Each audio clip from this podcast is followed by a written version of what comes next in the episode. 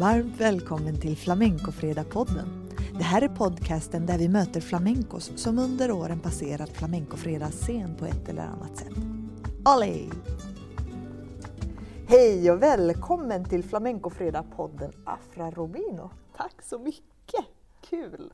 Vad härligt! Vi sitter här i Västervik i Mejeriet heter det, det är Kulturhuset här. Jag vet att det är många som är nyfikna på dig och din musikerskap och eh, allt det eh, möjligt som du gör.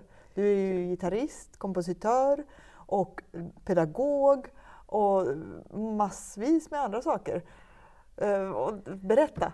Ja, berätta. Framförallt säga att det här är ett väldigt kul initiativ så det är jättekul att få vara med.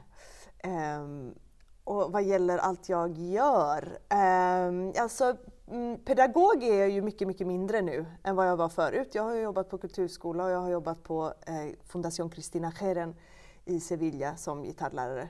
Där var det ju flamenco som gällde. På kulturskolan var det absolut inte flamenco som gällde utan där spelade vi väldigt mycket Sweet Home Alabama och dylikt. Eh, därav kanske också um, att jag um, Ja, jag vet inte. Nej, det är absolut inte därför. Jag tycker det är jättekul att spela även Sweet Home Alabama. Liksom.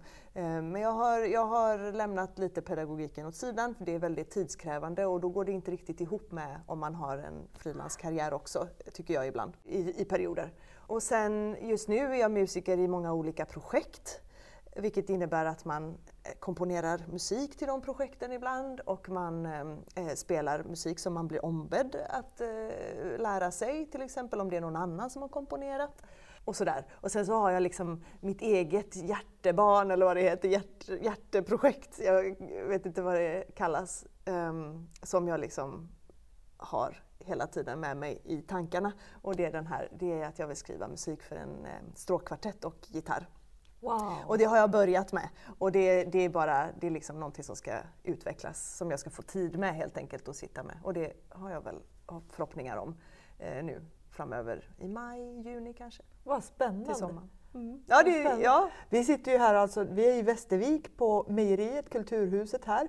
Och det är nu, precis, imorgon är det första april när vi spelar in det här. Mm. Och året april, är april. 2022. April, mm. april. Åh oh, nej! Imorgon blir det... tur vi inte spelar in imorgon. Precis, vilken tur! det har blivit helt knäppt. Men det är ju ganska intressant. på något vis. Ja, precis. Men nu, idag kan man Idag kan vi inte ljuga. Nej, precis. Och ingen annan dag heller. Nej. Förutom första april. Men det är ju lite kul för du beskriver det här med att du har både, alltså på Fundación Cristina Herren, då är det ju verkligen bara flamenco och sen kulturskolan är det absolut inte flamenco och samtidigt i flera av de här projekten, det är ju både flamenco-projekt och andra slags projekt. Ja. Hur är det, identifierar du dig som en eh, liksom, gitarrist i stort eller som en flamenca eller en flamenco-gitarrist? Ja, det där är, ja just det, bra fråga. Ehm, därför att man, jag brottas lite med det eh, i alla fall. Jag vet att för vissa kan det nog vara väldigt självklart att jag är flamenco. Liksom. Det är min själ, resonerar med den musiken. Och på det sättet måste jag också identifiera mig som flamenca, för min, min själ resonerar så starkt med den musiken och det är verkligen någonting jag har, jag tror att det är liksom ah, jag har inte funderat jättedjupt kring det, men, men det, det, måste finnas, det är någonting lite mer. det är någonting som man inte riktigt kan sätta ord på, varför man resonerar med just en typ av musik som är så otroligt speciell. Eh, likadant som man kan snöa in på liksom såna här super mini nördgrejer inom ett visst ämne, så har ju vi du och jag snöat in på en ganska nördig grej inom musik och det är liksom mm. flamenco. Så på så sätt är jag en flamenca för att jag, jag vibrerar med flamenco. Men jag är inte född med flamenco, jag, är inte, jag har det inte liksom i min kultur och sådär utan det som, det, mitt naturliga språk är ju eh, pop och rock och klassisk musik kanske. Alltså det är ju den musikkulturen som jag verkligen växte upp i, i och med att man är uppväxt i Sverige och i Europa. Har du spelat eh, liksom, den typen av musik mycket innan? pop och rock. Ja, absolut. Ja. Jag började ju egentligen med... Eh, historien är ganska rolig. Min första lektion på kommunala musikskolan i gitarr, då eh, har jag, presenteras jag för den här fantastiska gitarrläraren som heter Margareta Green. Och hon var ganska till åren redan då. Eh, lila hår, eh, tuperat läderbrallor, okej? Okay? liksom, hon var riktigt, riktigt, uh, ja. Karaktär. En riktig karaktär, un personage, ja. som man skulle säga på spanska. Och hon säger så här, ha, och du, eh, vill du spela blues eller country? Och så fick man välja mellan blues eller country. Och då sa jag blues låter bra, för det var väl den där jag hade hört talas om. Och då började vi spela blues. Så att blues-tolvan är, liksom, det är det första jag lär mig på gitarr. Och jag tror att det gäller ju ganska många som lär sig gitarr i Sverige, att antingen blir man direkt klassiskt skolad eller direkt eh, afro-jazz-skolad. Och det blev ju jag i, i och med henne. Så blues då. Och sen kom vi aldrig till country. Och så började vi läsa noter och sånt där och då blev det ganska tråkigt. Och så, och så tyckte jag att det var mycket roligare att spela på gehör. Och då kom ju liksom hela... Sen började jag på musikskola och sånt där och då spelade vi liksom pop och rock var ju det vi spelade. Så det, och, jag, det var ju det jag lyssnade på jättelänge också. Och reggae och liksom. Och, ja. och sen spelade, sjöng vi ju väldigt mycket klassiskt också. Och jag hade en klassisk gitarrlärare också. Så tidigt började jag spela klassiskt också. Um, så det, det, liksom, det, det, det, är där man börjar. Men flamencon kommer in när man väl börjar få ett eget, en egen vilja liksom, i tonåren och börjar leta efter något som man verkligen... Vem är jag och vad, vad älskar jag? Och, så här, och då, då plötsligt hittar man någonting men intressant också ändå med bluesen, för ja. det är vissa som, som eh, pratar om flamenco som roots music. Liksom. Ja, just det. Just att, det. Eh, och där har man ju också hela bluesen, hela ja. den eh, kulturen. Ja. Eh, och det, den typen av musicerande, liksom, att det bygger på lite ja, annat. Ja, det, är inte, det är ju inte helt fel alltså. Eh, trots att musikstilarna är jätte, jätteolika så har de det här cykliska tänket. Det handlar om liksom musikaliska cykler som repeteras. Och det är precis, i, i, i flamencon är de väldigt korta, i bluesen är de 12 12 takter då. Och sen så visar det sig att ibland är de inte ens 12 takter, de kan vara 13 takter och sådär i blues. Men då, då går vi in på liksom nördiga grejer. Men, men, liksom, men alla känner igen blues-tolvan och i flamenco känner alla igen en 12-takt. Den kallas 12-takt, det är inte 12 takter. Ja, man ska inte tro att det är samma sak, det är väldigt olika men det, bara, det har liknande namn. Så bara. i blues är det 12 takter och ja, i flamenco är det 12, 12 takt? takt. Exakt! men, men förutom det har de liksom inga musikaliska... Men sättet att sjunga är ju också väldigt likt. Man sjunger verser liksom. Man sjunger inte en sång. Mm, och man sjunger från hjärtat? Eller liksom ja, man, man sjunger från... om saker som har hänt en och saker som man har sett och saker som händer i, där man bor. Liksom, och sådär. Det, är liksom, det är det folkliga i det. Mm. Um, och, och, ja, så så sätt är det ju lite samma, samma, samma själ kanske man ska säga. Ja, mm. Sen är ju, men, men, men bluesen, man, det beror på hur man tolkar det, men bluesen skulle man, man kanske inte kan säga att bluesen är akademisk på det sättet som flamencon blev tidigt. För flamencon utvecklades ju i, genom dansen egentligen och de här dansskolorna och teatrarna till någonting väldigt så eh, akademiskt ganska tidigt. Inte Just att det fanns på universitetet, inte akademiskt på det sättet, men det fanns i Just skolor, det. akademier. Liksom. Eh, och det fanns ju inte bluesen. Eh, men, sen, men jazz, ja, det, man kan ju säga att jazz kommer från blues också. Mm. Men jazz kommer också från klassisk musik. Ja. Ja, just det. Så, så jag menar hur man, vad man definierar och sådär. Men eh, ja, nej, det, är, det är jätteintressant. Det är det. Ja. Men hur är det då i praktiken? För du både spelar själv, du har solokonserter, ja. Eh, du spelar med andra flamencos, alltså flamencomusiker, men också med andra musiker som har annan skolning bakom sig. Ja. Och så spelar du också med flamencodans som är ju också någonting ganska det är ju annat än att spela en solokonsert. Liksom. Ja. Uh, hur skulle du kommentera det? Vad, vad, ser du för likheter och olikheter? Eller kanske, ja, det är kanske är lättare att sätta ord på olikheter. Ja, just det. I, I sättet man förhåller sig som gitarrist. Och, ja, mm. och hur, hur liksom tar du in den? Ja. Ser du några skillnader på om du spelar med, nu som exempel då, bluesband eller eh, om du spelar med flamenco-gäng? Mm. Ja, ja, gode gud. Det är stora, stora skillnader. Men, men, det beror, men nu spelar jag inte i bluesband eh, längre. Men, eh, men den stora, stora skillnaden det är ju att jag är skolad flamencogitarrist. Så jag kan hela den skolan. Liksom. Det är ju det vi lär oss som flamencoartister. Vi, vi åker ner för att lära oss skolan. Liksom. Och då innefattar det hur man kommunicerar med en dansare, hur man kommunicerar med en sångare. Eh, man kan liksom repertoaren, alla de här stilarna och sånt, man kan dem mer eller mindre bra, men man försöker kunna dem så bra man bara kan. Och så finns det vissa stilar som man spelar väldigt mycket med dans och vissa stilar som man spelar väldigt sällan med sång eller dans eller vad vet jag.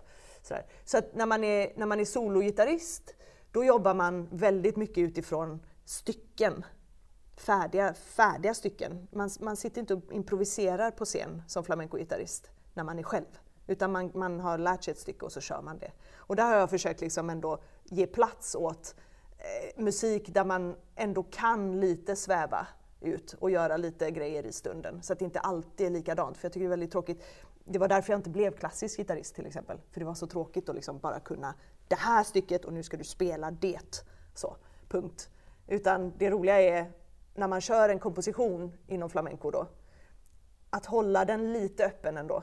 Så att man kan liksom sätta ihop delarna lite olika och sådär. Så så jobbar man som, kanske som sologitarrist. Och sen, eh, eh, men sen som sologitarrist så spelar jag också mycket fusion. Så jag liksom spelar kanske brasilianskt. Eller jag spelar, eh, nu sist spelade jag ett barockstycke, eh, Bach. Um, bara sådär. För att det är musik man håller på med i sitt huvud och så. Bara sådär, lite bara. Lite bara sådär. Och så, och så tänker man, det kan jag ta med i min konsert. Man är ju väldigt fri som sologitarrist. Ja. När man spelar med dans däremot, då kommer ju hela skolningen in. För då, ska man, då är det liksom det som gäller. Och, och då har man ofta väldigt få repdagar. Eh, som du vet, nu berättar jag detta för publiken, men du vet ju detta att man ja. har ofta få repdagar och man har ju väldigt eh, så, eh, tajt schema, nu ska vi bara köra. Och det, det, går ju i och med att alla kan koderna och är skolade i samma så stöpta i samma form. Men, eh, men skulle man spela med ett band som sätter ihop eh, rocklåtar, alltså så ett coverband, då är det en helt annan femma. Då ska du verkligen då ska du lära dig låtarna och då ska du sjunga stämmor och göra liksom, Ja, då, då, jobbar man med andra delar av hjärnan känns som. Hur upplever du det när det ibland hör man det sägas att ja men flamenco och jazzen, där finns det också så här att jazzimprovisation eller den här ja. blues-tolvan eller ja. alltså hur, hur pass mycket frihet ser du där utifrån det som du har varit med om liksom? Det, jag ser det som att flamenco, alltså när en flamenco-gitarrist eh, börjar, tar in jazzimprovisation eh, i, sina, i, sin, i sitt språk. Liksom. Det den gör då är helt enkelt att ta en byggsten från jazzen och placera den som en byggsten, som en byggsten i flamencon. Så det som händer är helt enkelt att du har kanske en, en gitarrkomposition då.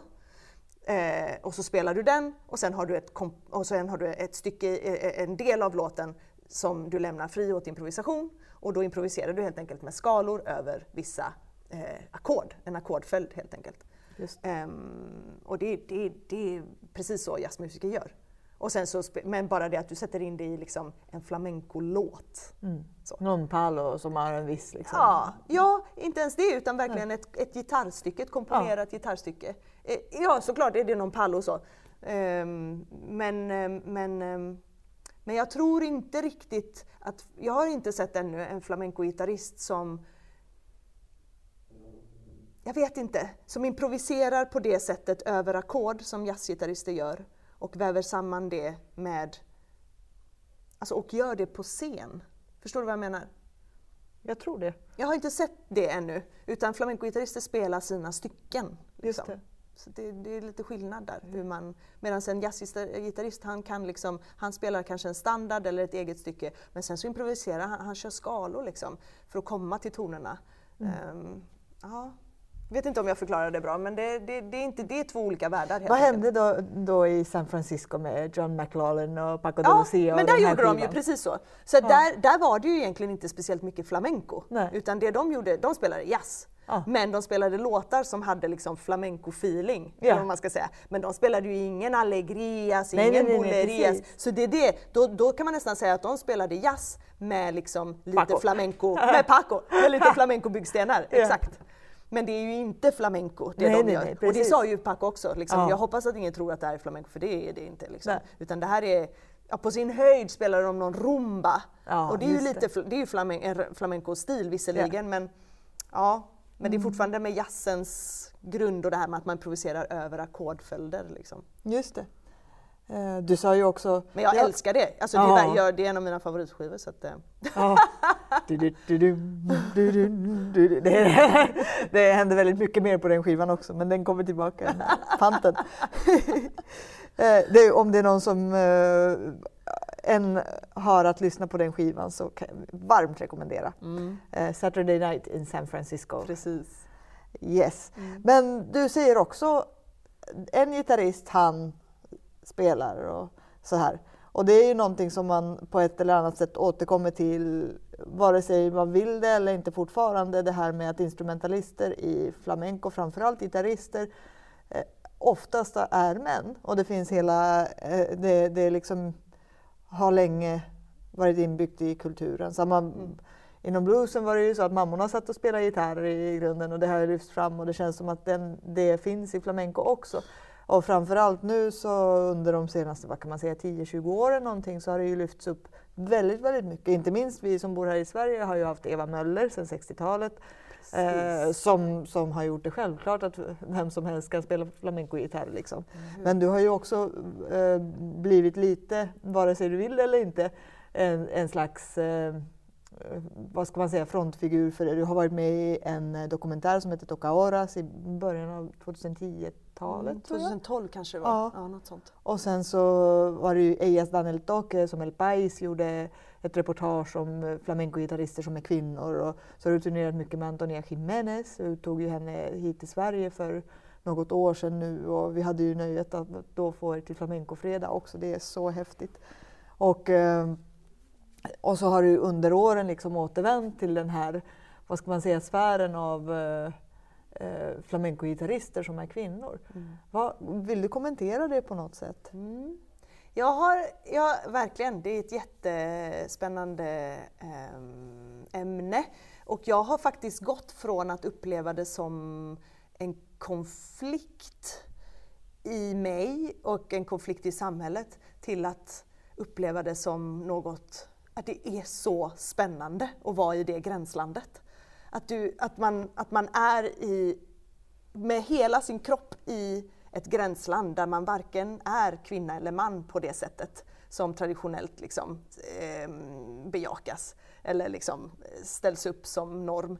Eh, att man får, att man får, man får vara bara gitarrist. Liksom. Man får göra sin grej och man får vara i musiken helt och hållet utanför liksom, vad som är själva könsrepresentationen.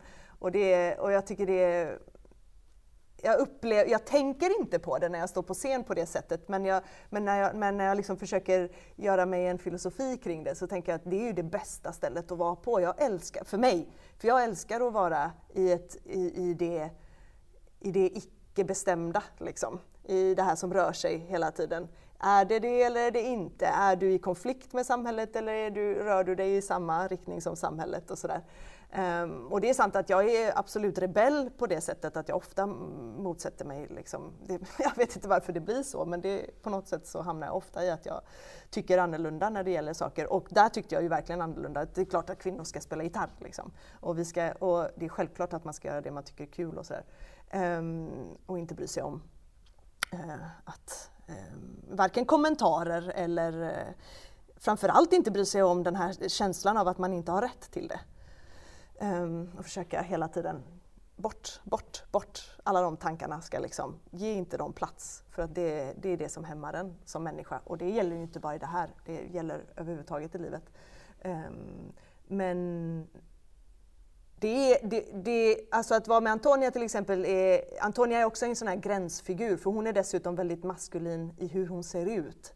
Så hon är verkligen en sån där gränsfigur där man inte kan, man kan inte sätta in henne i något fack överhuvudtaget. Hon är varken kvinna eller man, hon är varken liksom, eh, vad ska man säga, hon spelar, hon spelar som hon spelar, hon spelar inte som någon annan heller. Hon försöker inte spela som männen. Hon försöker inte, för det finns en, det finns en machokultur i hur man spelar.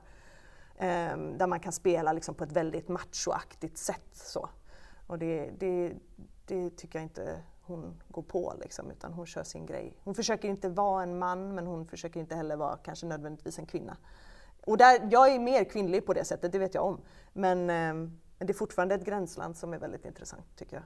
Mm. Att man ska, och jag tror att det, det, är bra ju fler människor som vågar vara där. För det är lite utmanande såklart. Mm, det är skönt att falla tillbaks i att man kan vara väldigt sexig eller att man kan vara liksom Fast det är ju också en jävla, vad heter det? Power. Pa ja, men det är också så väldigt mycket responsibility att vara Ja. liksom eh, sexig och, och klara att bära det inför en publik. Ja, jag hade nog haft svårt för det. Liksom. Och det är ju ofta vad, vad flamenco-dansaren ibland gör. Inte alltid, långt ifrån. Men det, liksom, det finns liksom en väldigt kvinnlig sexualitet som kan komma fram starkt om man vill.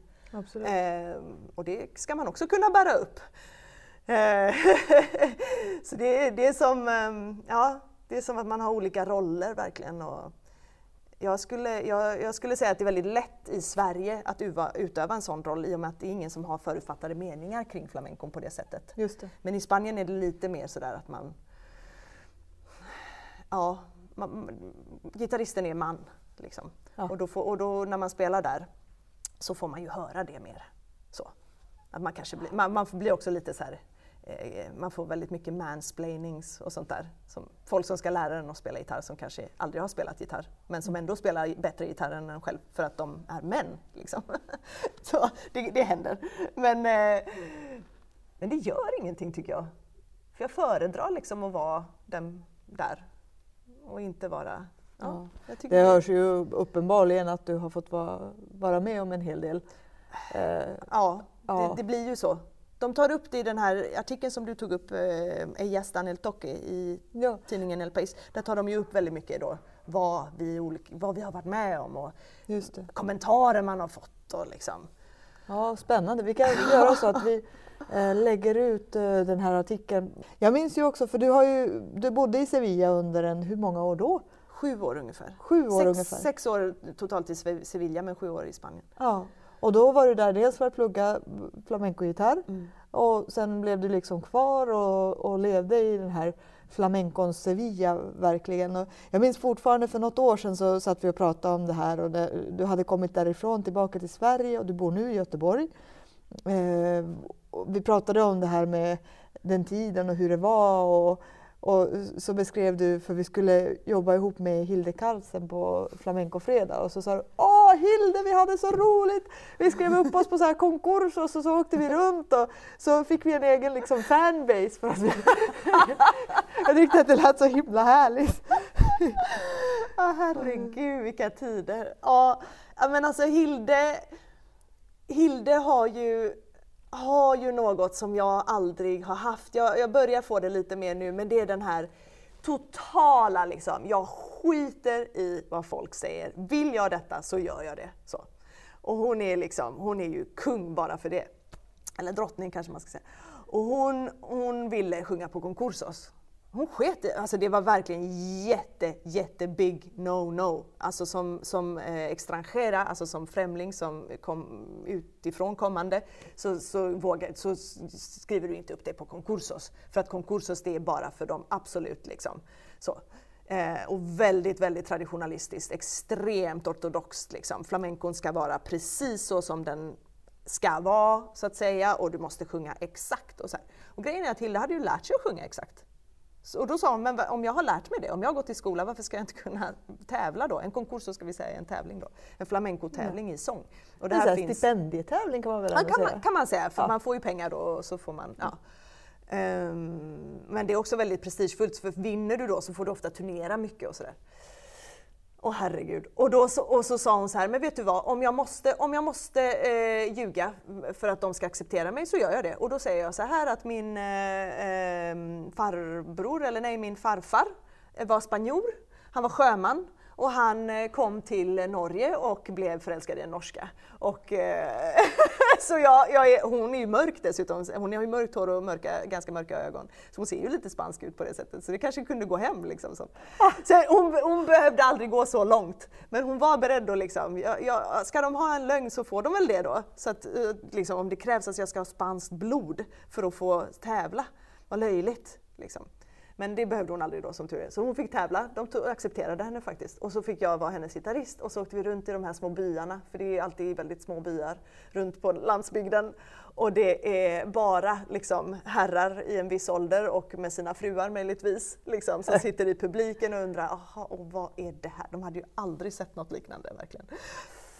Kommer in två, liksom, en norska och en svenska. nu pratade vi båda väldigt bra spanska så att jag tror inte liksom Ehm, ja, och så, och så sjöng ju Hilde vissa stilar extremt fint, alltså hon hade verkligen en personlig touch. Så att jag tror att när de hörde henne, speciellt på Granaina, det är en stil då som man, väldigt lyrisk, vacker stil som man sjunger. Eh, och när hon sjöng sin Granaina, då, då liksom, hon, hon blev nog, de blev nog lite sålda alltid när hon sjöng den. Så då var det som att, ja men det här var ju ändå inte helt fel. Liksom. Från att ha bara, herregud, nästan gått därifrån så, som publik. Så, så, ja men lite så. Så, så kunde de liksom, ha det finns något här. För hon gjorde det på ett extremt personligt sätt ändå. Men ortodoxt. Med rätt toner och allting var ju liksom... Korrekt. Hon hade ju lärt sig av de bästa. Ja. Hon hade ju lärt sig av Paco Tarant och liksom José de la Tomasa, jättekända, välkända sångare. Uh, ja. Hur var det för dig som gitarrist då? Ja, men det var ju det också, att hon kom med en tjej som spelar gitarr liksom. hade hon kommit med en spansk gubbe så kanske de hade, ja ja, okej. Okay. men nu var liksom hela bilden var helt fel. Hon var utlänning och jag var kvinna och ja. Men eh, även där kanske de liksom insåg ofta att ja, ja, men de kan ju ändå detta. Det låter ju rätt. Det, det är ju så det är. Liksom. För vi hade ju pluggat detta och vi kunde ju detta. Ja, jag, ja, ja. jag har ju haft turen, och, eller turen, jag har hamnat på de här eh, dansakademierna mycket. Ja, ja. Och där är det ju en lite annan äh, grej. Jag har inte skrivit upp mig på någon konkurs någon nej, gång. Det har jag inte gjort. Nej. Men där är det lite annan grej också. Där möts man inte riktigt av den här traditionella purismen och sådär. Men jag ser däremot till och alltid, om jag ser att det är en, någon semifinal eller någonting på någon konkurs och så går jag dit och sitter och lyssnar på de här tre palos varje kväll. Och, liksom om man håller på till klockan fyra, fem och ja, här, oändliga kvällar. Det är oh, jätte, jätte, jättehärligt att verkligen vältra mm. in mm. i den här mm. traditionen. Och det är mm. så otroligt mm, spännande att lyssna på alla olika variationerna som ja. de här olika ja. eh, medtävlarna gör. Men det är precis som du säger, det är ju mest varit de här Ja, lite eh, jag skulle ha blivit glatt överraskad om jag hade fått vara med och Hilde och dig. På, kommer plötsligt en norska som ska sjunga. Men jag har ju varit med en dansare också, eh, Nino Carmela kallas han. han vi, vi gjorde många tävlingar då, danstävlingar också. Oh. Eh, men då var ju hela gänget spanjorer liksom. Så jag var den enda utlänningen och då var det som att då, då smälte jag in i bilden på något sätt. Så då stack det inte i ögonen på samma sätt. Så. Men där vann vi till och med faktiskt med honom i regionfinal. Så det var, det var en jäkla fest. Ja, det var jättekul. Det är, det är väldigt kul. Alltså här, de här tävlingarna, man måste förstå hur viktiga de är för bevarandet av flamenco. För att hur tråkiga och eh, konservativa de än är, man får verkligen inte göra någonting utanför normen, utan man, man ska visa att man kan traditionen. Mm. Så är de, det är de som gör att det lever kvar faktiskt. Ja. Och de som gjorde den första konkursen, det var ju Manuel de Falla, Lorca. Garcia Lorca, La Niña de los Peines var där. Mm. Alltså det är de här riktigt legendariska namnen. Som, som plockade in alla från byarna? Liksom. Exakt! De sa så här att nu har vi en, en konstform som håller på att helt dö ut, vilket den gjorde i Italien, den gjorde det i många andra länder, i Frankrike. Alltså alla länderna runt Medelhavet som har haft starka, alltså europeiska länder ska vi säga, som har haft stark folklig tradition, det är ju bara de allra äldsta som kommer ihåg det nu. Ja. Och så några få ungdomar. Liksom. Men det är ingen levande tradition som flamencon är. Men concursos, alltså de här tävlingarna, de har ju gjort att det har liksom generation efter generation har kommit in och tävlat. För man kan ju få pengar, det är klart att man tävlar liksom. Alltså det, där, ska, det lockar ju! Ja, det är klart. Ja, då, blir det ju, då, då kan man ju bli proffs. Alltså yeah. får du pengar så är du professionell plötsligt. Ja. Så det ger ju ett, det lovar det ju dig, det är en möjlighet för, många. många. precis. Och det lovar dig att du ska kunna, kunna leva på det helt ja. enkelt. Och när var det här? Det var 1922? 22. Ja. ja. Och det var i Granada? Ja. Och sen kom väl den konkursen att bli det som nu är Cante de las Minas? Eller? Ja, så typ. kanske man kan se det. Jag vet inte, jag, jag har aldrig hört att det är liksom samma... Men det, det är kanske inte samma. Men, exakt, men man, det... man, kan ju absolut säga att Cante de las Minas är den absolut viktigaste konkursen nu och den är ju i det området, eller vad man ska säga. Det är lite jag mer det var österut, någonstans som jag fick den ja, kopplingen, men det, men det är ju i alla fall samma region. Ja, men ja. där har man ju också nu kommit in med en hel genre där det är liksom andra instrument i flamenco. Jag hör, ja, hörde någon säga flamenco-harpist och så ja. är det flamenco-bas och så var det någon som spelade flöjt, den här en fantastisk flöjtist ja. som var med här om året och ja. jag tror att hon, hon vann till och med. Jag minns inte, jag, jag har inte det i huvudet nu, det borde jag ha läst på här.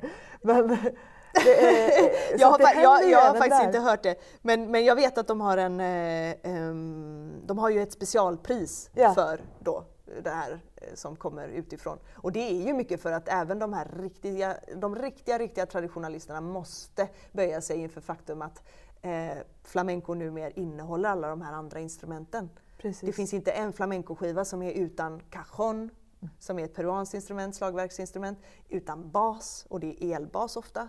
Och det kommer ju från pop och rock och Amerika. Och jag menar, you name it. Och flöjt.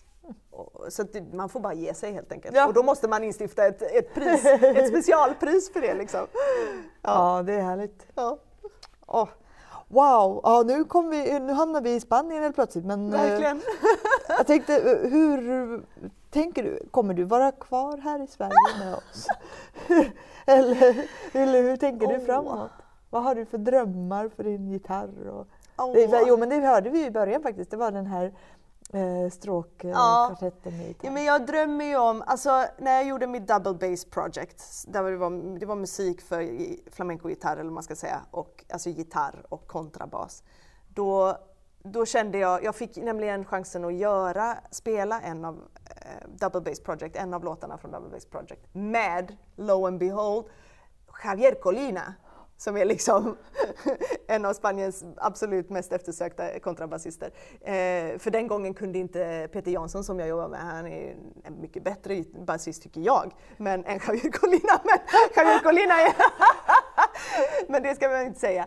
Men, men det handlar inte om vem som är bäst heller, utan det handlar om att eh, den här musiken fick vi plötsligt göra inför en spansk publik. Och, och någonstans har jag alltid förstått i mitt innersta att jag tror att spansk publik alltså de vet, jag tänker mer som en spansk publik än en svensk publik för att jag har ju lärt mig deras musikkultur. Förstår du? Så att när jag gör musik så jag tänkte någonstans att det kommer nog bli så att de fattar exakt vad det är jag gör. Och så blev det. De, det var liksom jätte, jätteuppskattat någonstans. Och det har väl blivit väldigt uppskattat i Sverige också. Det är inte alls det jag menar. Men jag bara menar att det, det är klart att det är jättekul att komma till Spanien och spela sina grejer. Så det är ju för att det finns som en del det, av kulturen på ett annat sätt? För att man får en annan förståelse, ja. får, för att man just leker med deras tradition. Ja. Och som de vet mycket om. Och när man gör det med respekt och så, så kan det ju bli väldigt uppskattat. Ja. Medan här kanske det blir mer att man presenterar något ganska exotiskt. Så. Och det, det också, har ju sin, sin charm. Och så. Men det är inte riktigt... Så det är klart att det, men, men jag drömmer om att, jag drömmer just nu om att bo här eh, kvar. och, eh, och möjligtvis liksom få chanserna att spela igen eh, mina grejer även i Spanien. Ja. Men, eh, du har varit nere en hel del? Eh, ja, en del. Alltså både efter att du flyttade tillbaka? Och, ja, ja. Det har blivit en del. Det jag inte har gjort däremot är att åka ner och vara liksom turist där och så. Jag har liksom inte den, jag har inte längtan efter att bo i Spanien på det sättet. Eh, nej, det har jag inte. Mm. Det är, det är lite synd. ja, det är fint. Lite sol och värme. Och... Ja, varför längtar man inte till det? Ja, det är lite konstigt egentligen. Men livet ska ju gå ihop också. Det är ja, det. det är klart. Och det är, svårt, det är väldigt svårt för artister i Spanien. De har, de har det jätte, jättetufft. Ja. Om vi har det tufft i Sverige så har de det kanske ännu tuffare där. Så, och leva på vad de gör och så. så det, mm. Men, eh, så är det verkligen. Vad har du att säga om det här med flamenco som ett globalt fenomen och sådär. Jag mm. hör ju det ofta säga, ja men det är deras musik och, ja, det är spanskt och ja. det är liksom sån stor del av folkkulturen och så här. Mm. Och så finns det ju de som menar att flamenco verkligen är internationellt och att det har skett en, en förändring, i alla fall i vissa delar av mm. kanske, man kan då säga, mm. flamencon. Mm. Sen finns det såklart, liksom, det är väldigt otroligt liksom, spanskanknutna som mm. concursos eller, mm. eller hela romska, att man är liksom flamencoklaner och sådär. Mm. Eh, eller vad man, alltså. Jo men det kan man väl kalla det? Ja. När hela familjen håller på Ja, att man har flamenco. med sig flamencon från när man var liten och har mm. fötts in i det och lever flamenco och sådär. Det kanske är mindre möjligt att göra det utanför Spanien på det sättet. Men Eh, jag tänker mest på, eh, det finns ju verkligen överallt. Mm. Och även om det fortfarande är exotiskt så är det ju också ofta utanför Spanien som det händer väldigt, väldigt mycket. Liksom. Ja.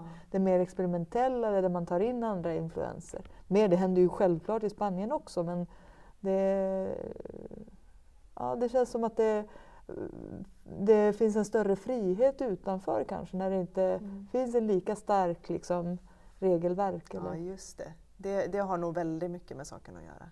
Och sen tänker jag också att det har att göra med att vi som, vi som fastnar för flamenco, som inte är uppväxta i Spanien liksom, och inte har en direkt kontakt med det från barndomen, vi hamnar ofta där i något slags sökande efter oss själva. För det är ofta i tonåren man kommer i kontakt med den här musiken. Och då är det kanske den första, liksom, när man åker ner till Spanien för första gången och börjar gå i skola där och börjar lära sig. Alltså det är verkligen i de här kritiska åren när man utvecklas som person. Då kanske man är 16, 17, 18, vad vet jag, 19, 20. Men det är där någonstans, det är väldigt viktiga år. Eh, och då tror jag att det är inte så konstigt att vi sen, om vi hamnar någonstans utanför Spanien, börjar göra mer experimentella saker. Därför att det liksom ingår i hela, redan från början har det varit liksom ett sökande. Och då fortsätter man söka genom den musiken. Musiken är kopplad till att man söker någonting. Um, så det, det, är inte så självklart att bara ställa sig och göra ortodox flamenco inför en publik och bara nu är jag spanjor. Liksom. För att man vet med sig att man inte är det. Och att hur kul det än är att göra ortodox flamenco så finns det också ett behov av att liksom, jag, jag har ju ägnat mig åt det här för att finna något mm. kanske. Så jag tror att det kan vara därför också. Och det är ditt eget musikerskap eller ja. ditt eget konstnärskap som då lyfts fram. Liksom, ja. Med allt det som det innebär. Exakt. Så att jag tror att det kan vara, det har nog också med saken att göra, att det är den typen av personligheter helt enkelt mm. som lever och, och, har flamenco som sitt liksom, eh, som det man älskar och så, och sitt uttryckssätt. Men jag skulle säga att flamenco nog har ändrats också på grund av det i och med att alltså de här experimentella, vad ska vi kalla inom dem? Situationstecken, inom situationstecken, eh, eh artisterna som Israel Galvan, som Rocio Molina, eh, även gitarrister i viss mån som eh, Dani de Moron, alltså som spelar på jättespeciellt sätt. Mm. Eh, de har haft sån enorm succé mm. utomlands och de blir älskade. Nino de Elche, visst. Så jag, tror också, jag tror att det finns liksom ett nytt språk inom flamencon som är det här experimentella. Ja, och kanske också plockar in, eller genom dansen i alla fall, mm. så lever den ju samtidigt som ja. den samtida dansen. Ja. Liksom. Så det är ju, det är ju, vi är ju i en samtid. Ja, verkligen. Verkligen. En levande konstform. Den ja. är ju allt annat än död. Liksom. Ja. Den utvecklas. Och det, jag, jag, kan nog tänka mig att det har att göra mycket med att eh, ja, att de reser så mycket helt enkelt, även spanjorerna. Och att, ja. vi, och att vi är så många som har rest dit ja. och som sen har rest iväg till andra ställen. Ja. Det är klart, på varenda plats och i varenda människa så kommer det få ett nytt uttryck. Liksom.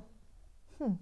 Ja. vad spännande. Man skulle kunna sitta här och prata i timmar men jag tror att vi behöver börja ja. avsluta. Ja. Finns det någonting som du skulle vilja tillägga eller som bara, ja ah, men det där, det där uh, vill jag ha sagt eller Eller vad det nu kan vara just nu. Sen nästa gång så får vi prata om fler saker.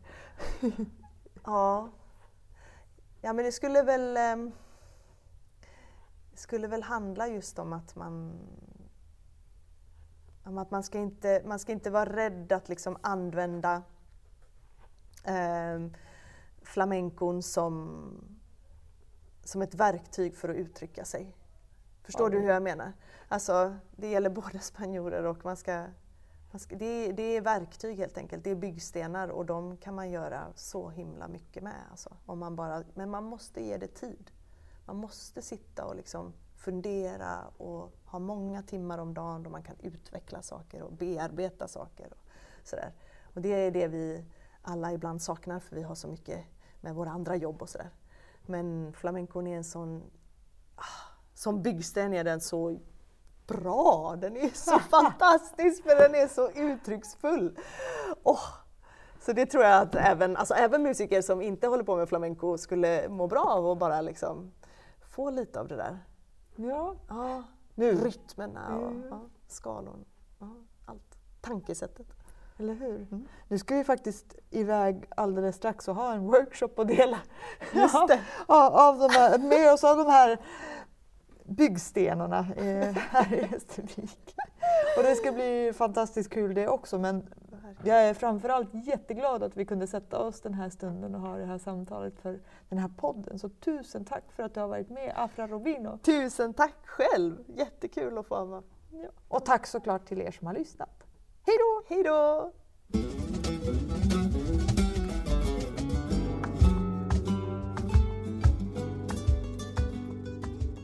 Tack för att du har lyssnat. Vill du höra fler flamenco-berättelser finns alla tidigare avsnitt att hitta på Spotify. Vi har även en Youtube-kanal. Flamenco-Fredagpodden har skapats med stöd från Kulturrådet och Stockholms stad. Producent Pia Pohjakallio, teknisk produktion Amanda Lindgren. Hej då!